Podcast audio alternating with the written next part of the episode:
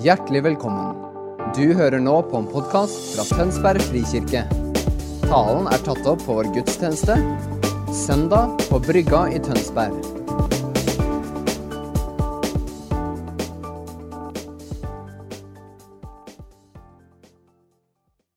Det Var ikke herlig tilbedelse?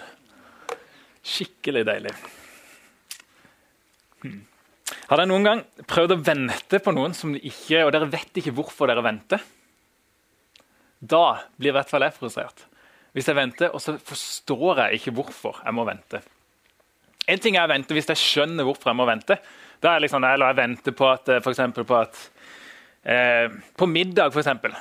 Da vet du at jeg venter på middag. Men hvis du bare venter uten å vite hva du venter på, da kjenner man at man blir litt sånn her ah. Venting jeg tenkte Når jeg skulle få dette temaet, så var jeg litt sånn Hva er egentlig advent? Det er jo adventstale, dette her. Så derfor så har jeg liksom fått litt sånn fint sånn adventsdyr, og det kommer litt flere fine lys og sånn underveis. Um, og så var liksom, tenkte jeg, Hva er en klassisk adventstale? Og En klassisk adventstale den begynner ikke sant, med Eller kanskje juletale like mye, men det er litt sånn Nå er det snart jul, og vi venter på julemiddagen. Og noen venter kanskje på pakke pakkene. Og så er det sikkert noen som gleder seg liksom til familietid, og vi venter alle på denne fine høytida hvor vi skal få ro og fred. Og... Men vi må huske på at denne tida dreier seg jo egentlig om Jesus. ikke sant? Det er han som er senteret, og vi må ikke bare tenke på gavene, men det er Jesus dette handler om. Sant? Det er liksom den klassiske introen. Så tenkte jeg, Hvordan skal jeg gjøre dette? Jeg har liksom ikke lyst til å ha den talen heller. Men jeg har lyst til å finne ut ok, Gud, hva er det du egentlig har liksom lagt på mitt hjerte i forhold til dette med advent. da? Og da tenkte jeg på, hva, Hvem er mitt forbilde på venting?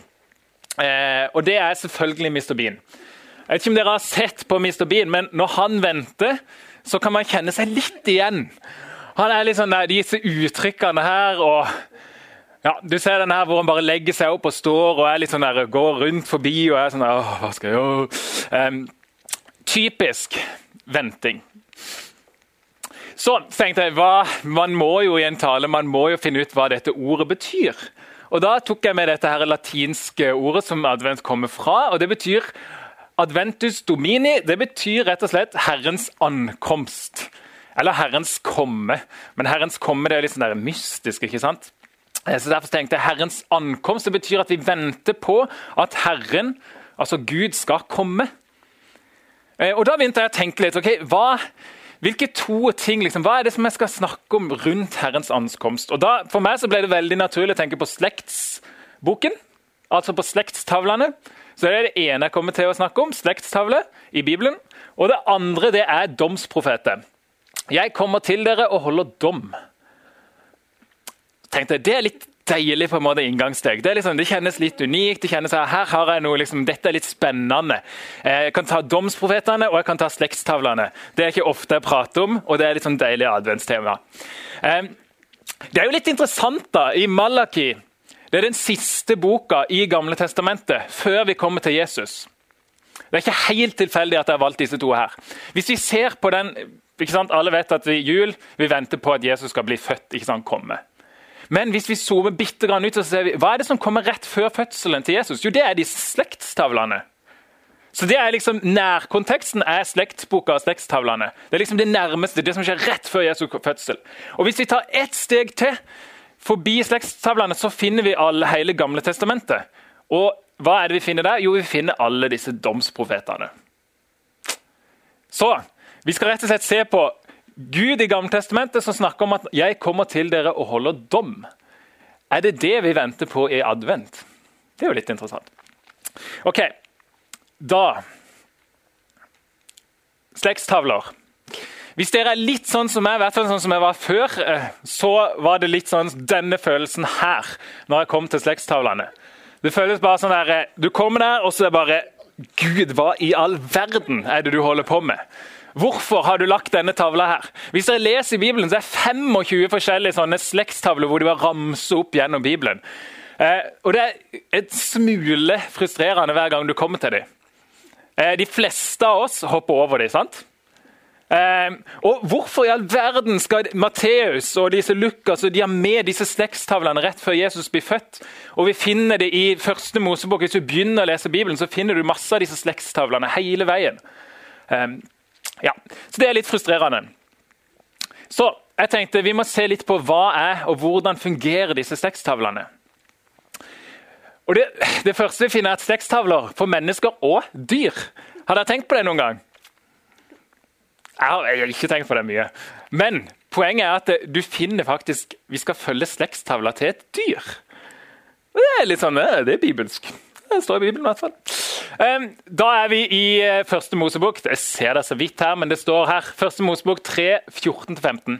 Situasjonen er at eh, ikke sant, Adam og Eva de første menneskene som Gud har skapt. Han har skapt verden fantastisk, eh, og alt er godt. Og så finner Adam og Eva ut at nei, vi vil ikke følge Guds stemme, vi vil styre på egen hånd. Jeg tror at jeg vet best hvordan jeg bygger denne verden.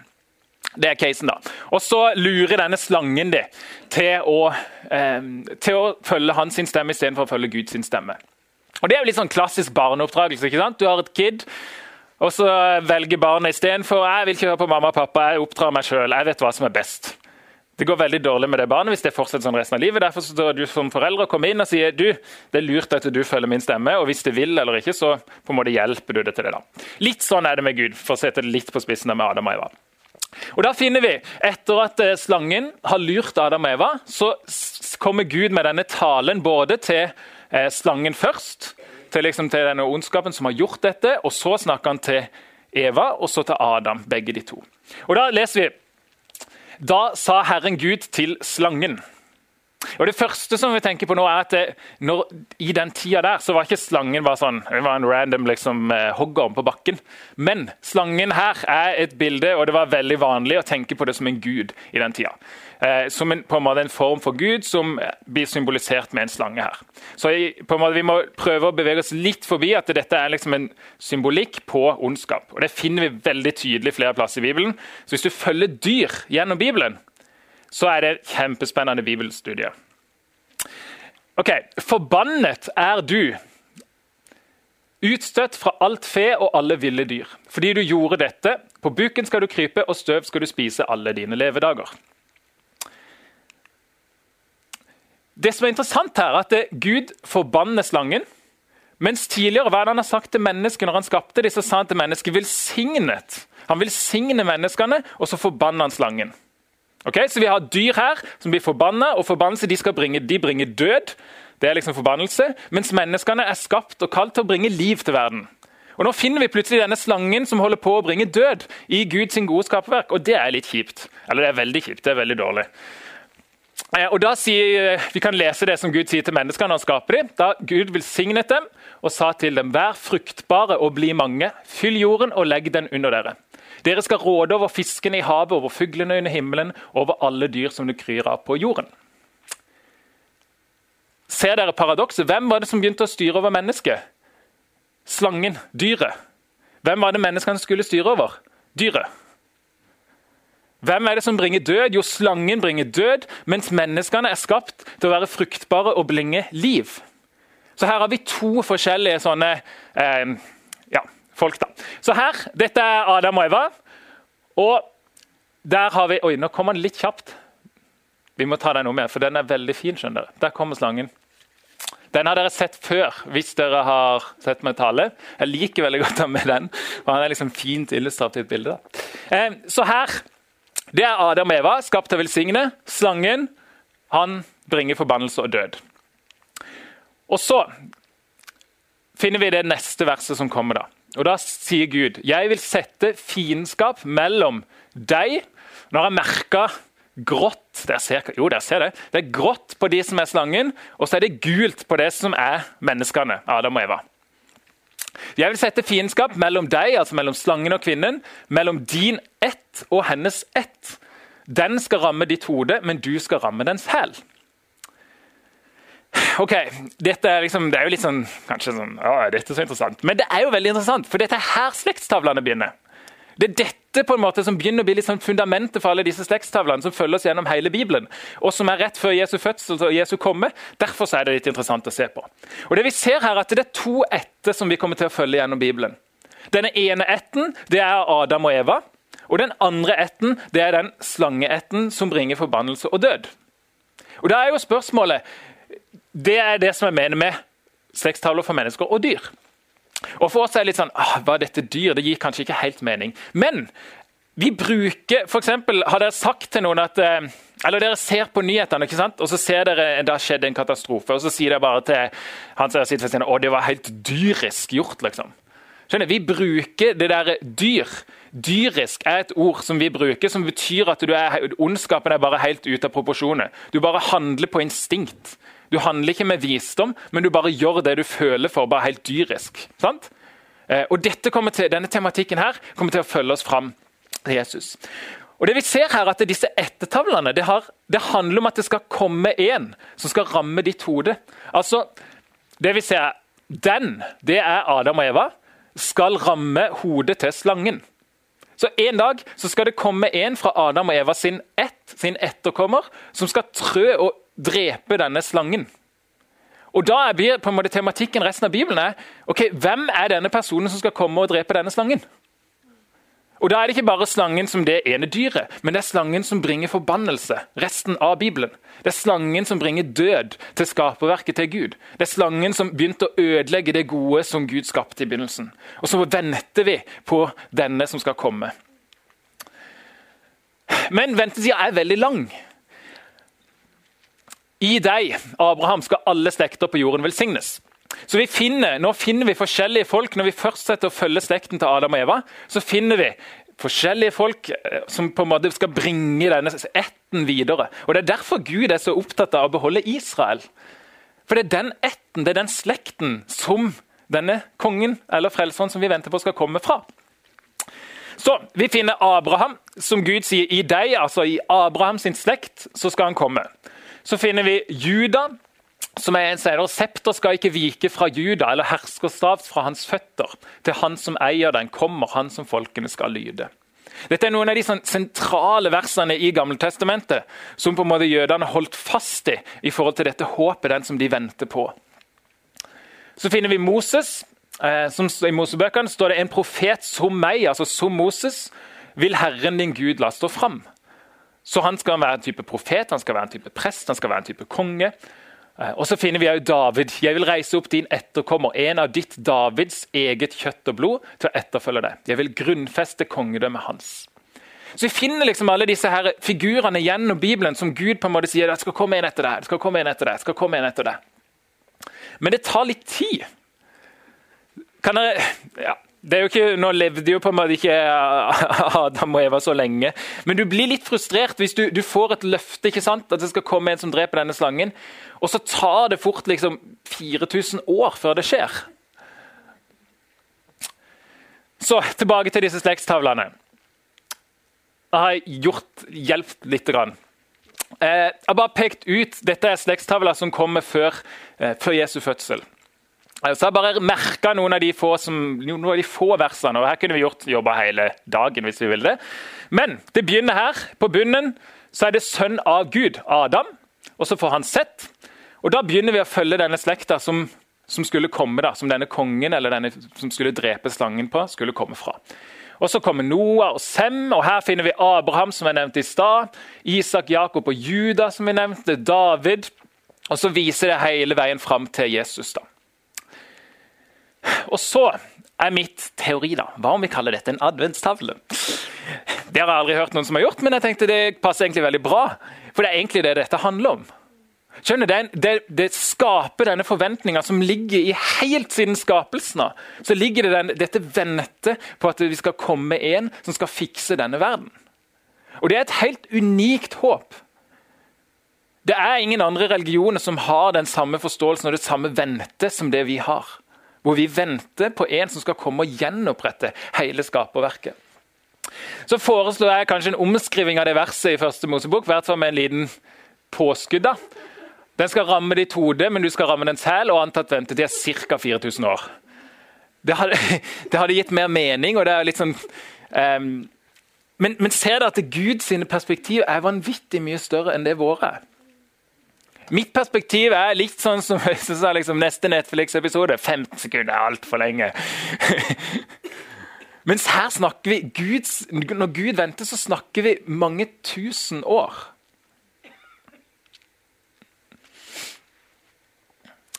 Så Guds historie er større enn mitt liv.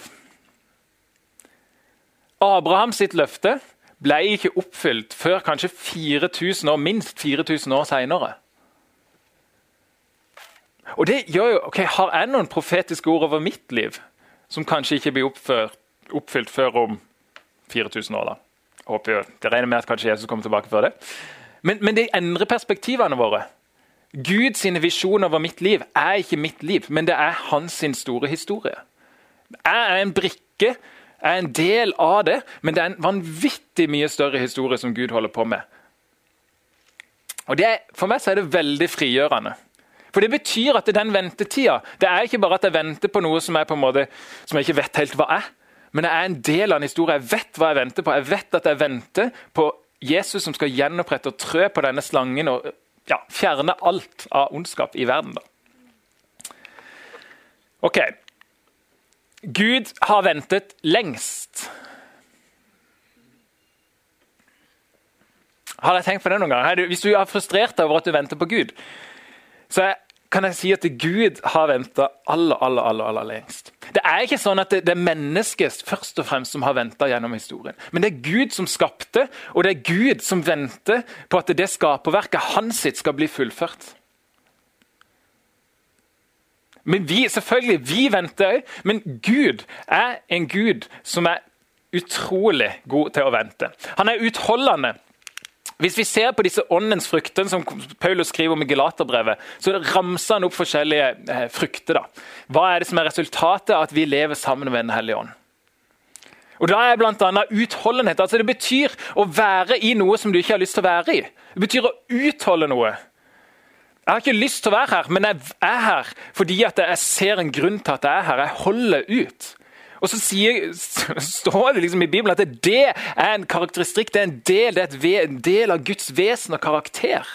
Det betyr at når jeg utholder noe, når du er i noe som du skulle ønske du ikke hadde vært i, så har du muligheten til å si at Gud, du har vært i dette sin skapelsen, sin begynnelsen, og du holder ut, men jeg vet at du kommer til å fullføre den dag.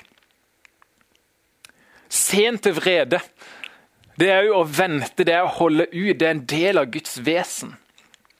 Tålmodig. Det er jo sånn der, eh, litt sånn frustrerende ting med Gud noen ganger. for å tenke, Gud, du er den mest tålmodige fyren som finnes. Og Det betyr at tålmodighet er bra. Det er godt for oss å være tålmodig. Og Det er jo det motsatte av min reaksjon. Hvis jeg venter på noe, så skal jeg bare Gud, gi meg det nå, liksom. Fiks livet mitt nå! Ta bort denne frykten, eller fiks denne her verden, eller fjern det, eller gjør det. eller... Mens Gud sin på en måte inngangsport er ah, utholdenhet, tålmodighet. Og Det betyr ikke at Gud ikke kommer i et øyeblikk og fikser ting og løser ting. Men det betyr at det er et større bilde hvor tålmodighet faktisk er en viktig bit. av. Overbærende, kunne vi også sagt. Trofast. Alle disse tingene som kjennetegner Gud, begynner hos Gud, og så blir vi invitert til å ta del i det. Det er ikke sånn at jeg skal drive og tvinge meg sjøl. Vær mer tålmodig, vær mer tålmodig. Men Gud er den mest tålmodige, og jeg får del i hans vesen. I hans fellesskap, når jeg begynner å være tålmodig. Så hvem og hva venter vi egentlig på? At Gud skal fjerne all smerten og sykdommer? At Gud skal reise opp en ny generasjon som kan ta et oppgjør med ondskapen i verden. At mennesker skal begynne å følge etter Gud. At Kirken virkelig skal forstå hvem Gud har satt den til å være i verden. At livet skal bli bedre. At flere mennesker skal ta imot Jesus. At verden skal bli et bedre sted. At verden skal bli et verre sted. At Jesus skal komme tilbake til jorda. At Jesus skal dømme verden. Hva venter du på? Alle de tingene der tror jeg er en del av liksom noe i hvert fall Det er forskjellige folk som venter på ulike ting. Men hva, det, hva venter egentlig du på? For Her er det to fortellinger som er parallelle. Den ene er Guds store fortelling, hvor vi venter på at Jesus skal komme og gjenopprette hele skaperverket. Og så er det den lille fortellinga som er mitt liv, og som er deres sitt liv. Og som er spørsmålet okay, hva er det egentlig jeg venter på?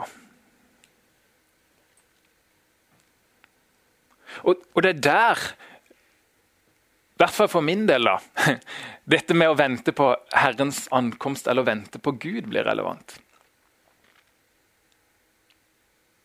For, for er det egentlig Gud jeg venter på, eller venter jeg på meg sjøl? Venter jeg på mennesket? Venter vi på at verden skal bli bedre, at Gud skal fikse det? Eller venter vi på at vi skal fikse det? Eller er det begge deler? Det er gode spørsmål. Vi må se på Malaki. Prøve å gå inn og se på Han var en profet. Som jeg sa i sted, var den siste av profetene eh, på en måte som vi har i Gammeltestamentet før Jesus kommer. Um, og han sier, tok med et par vers. Dere sier, altså Israel, Han snakker til Israel, til, til Guds folk, og så sier han om dem. Dere sier, hva er det vi har trettet han med? Med å si at alle som gjør ondt, er gode i Herrens øyne. Ja, at han har glede av dem. Eller hvor er rettens Gud? Litt sånn kryptisk. Det kan ta litt tid på en måte å gripe det, men jeg skal prøve å parafrasere det og si det litt enklere. Det som er, Israel er i en situasjon hvor de er i eksil, hvor de føler seg undertrykt, hvor de har det vondt.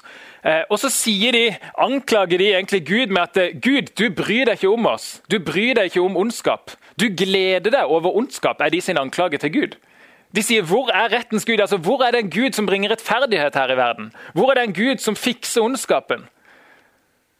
Og så sier De de går så langt og sier at Gud vi tror at du gleder deg over ondskap.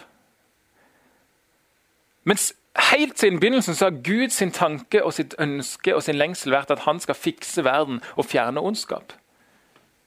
Og så er spørsmålet hvem, Er Gud en Gud som gleder seg over ondskap, eller er Gud en Gud som er rettferdig? Og for meg, Hvis dere er litt sånn som meg, så kan du kjenne deg ganske igjen i denne anklagen.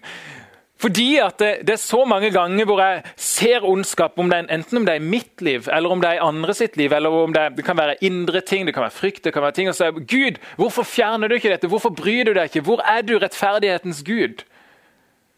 Og så står vi i denne tida hvor vi venter på at Gud skal komme tilbake igjen. Og parallelt så står vi i den smerten midt inni det og er sånn Gud, hvor er du? Hva gjør du?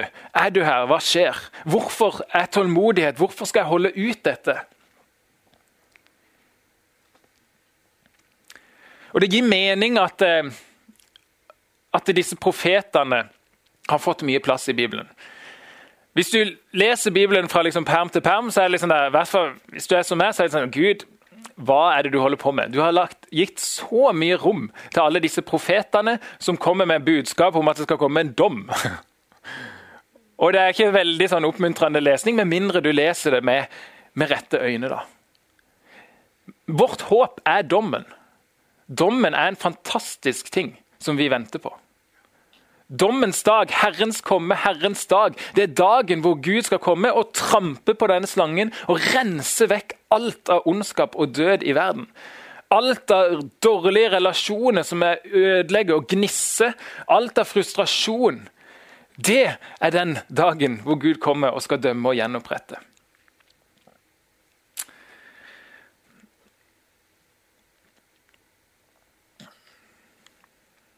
Ok, Kort. Herrens dag.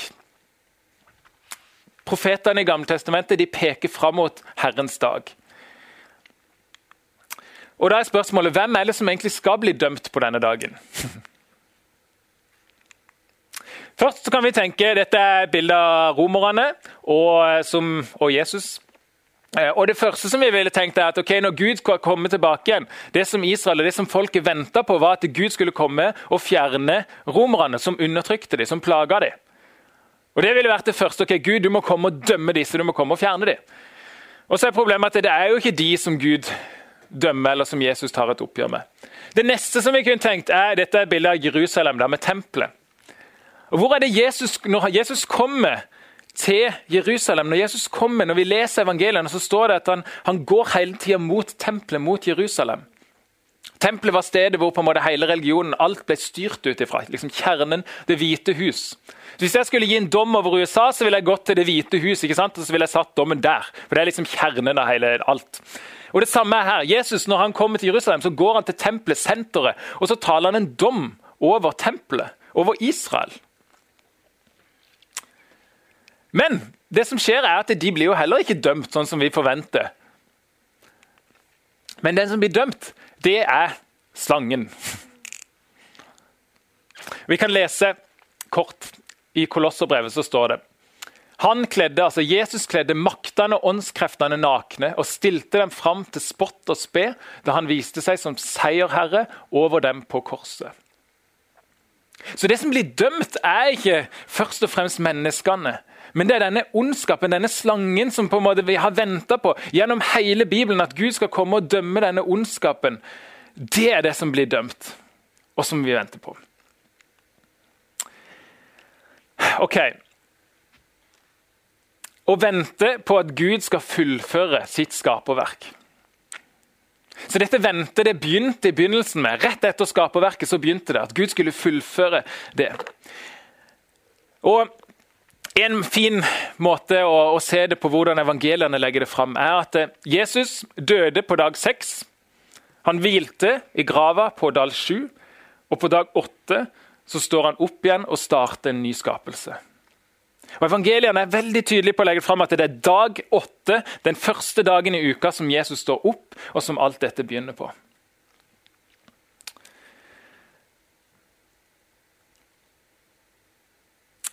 Så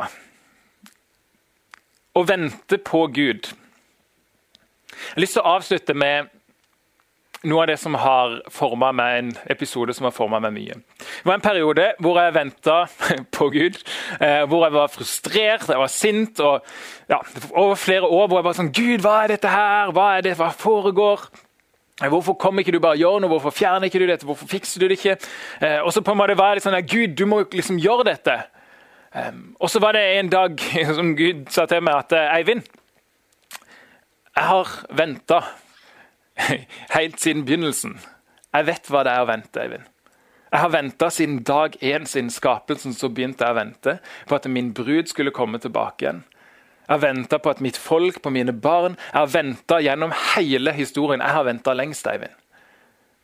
Har du lyst til å være med og vente sammen med meg? Så istedenfor å vente på Gud, så tror jeg at det handler om å vente med Gud. For det er ikke sånn at vi venter på at Gud endelig skal ta seg sammen og komme og fikse dette skaperverket. Nei, Poenget er at Gud har ønska og tenkt å jobbe og er del av dette helt siden skapelsens begynnelse.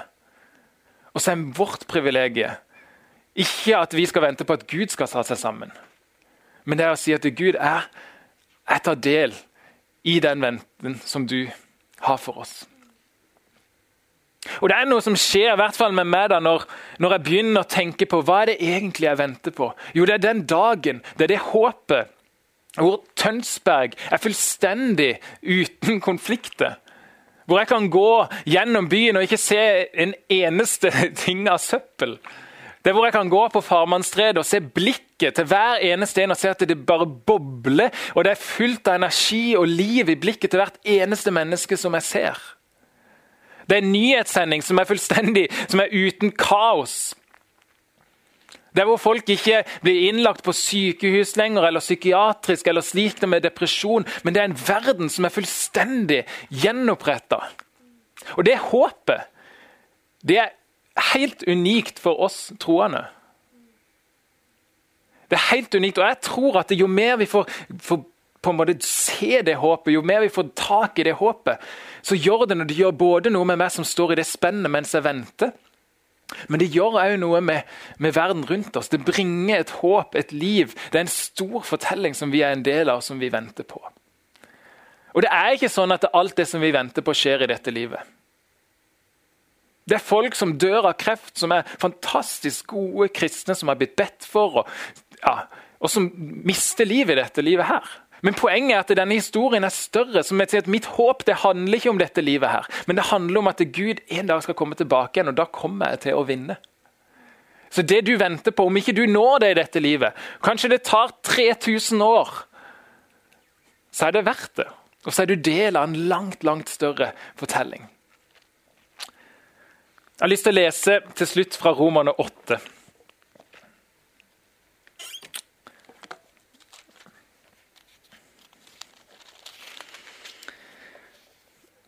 Og her er Paulus sine ord som, som skriver om det på slutten i, eller midt i, i romerbrevet. Um, som handler om okay, hva er det egentlig som skjer, er, hvor er vi egentlig nå? Hva er det egentlig vi venter på? Og Så er dette hans sine ord på det. Fra 8.18. Jeg mener at det vi må lide i den tiden som nå er, ikke kan regnes for noe mot den herligheten som en gang skal åpenbares og bli vår. For det skapte venter med lengsel på at Guds barn skal åpenbares i herlighet. Det skapte ble underlagt forgjengeligheten, ikke frivillig, men fordi han ville det slik. Likevel var det håp, for også det skapte skal bli frigjort fra slaveriet under forgjengeligheten og få den frihet som Guds barn skal eie i herligheten. Vi vet at helt til denne dag sukker og stønner alt det skapte samstemt som i fødselsrier. Ja, enda mer. Også vi som har fått Ånden, den første frukt av høsten som kommer, sukker med oss selv og lengter etter å bli Guds barn fullt og helt når kroppen vår blir satt fri. For i håpet er vi frelst. Et håp vi alt ser oppfylt, er ikke noe håp. Hvorfor kan noe håpe på det de ser? Men hvis vi håper på noe vi ikke ser, da venter vi med tålmodighet. På samme måte kommer også Ånden oss til hjelp i vår svakhet.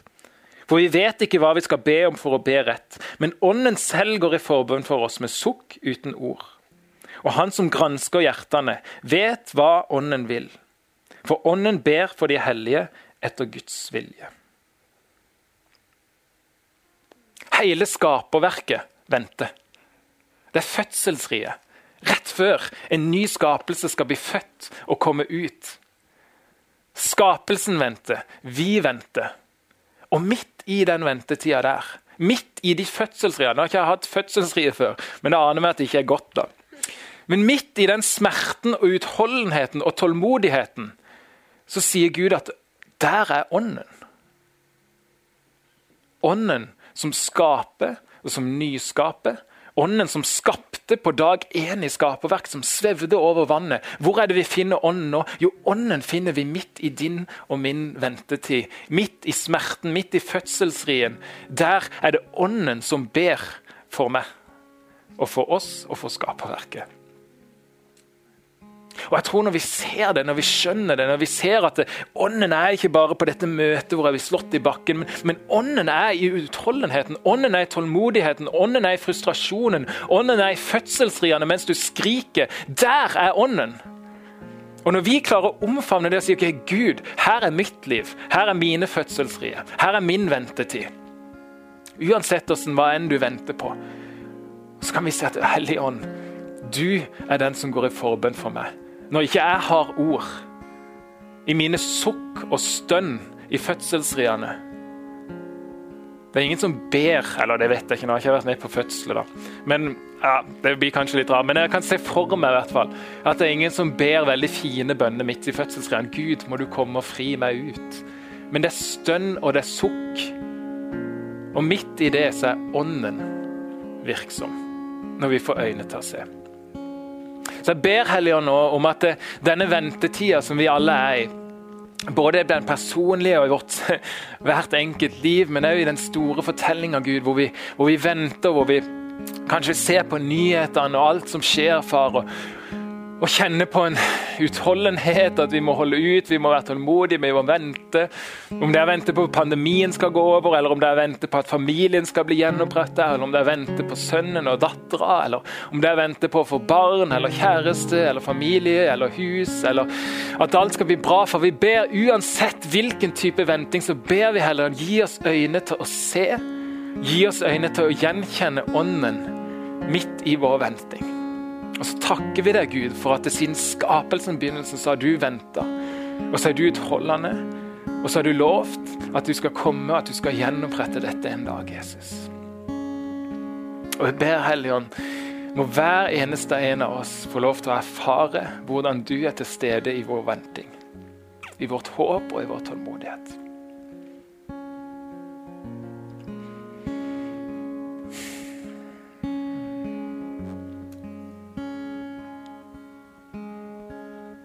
Amen.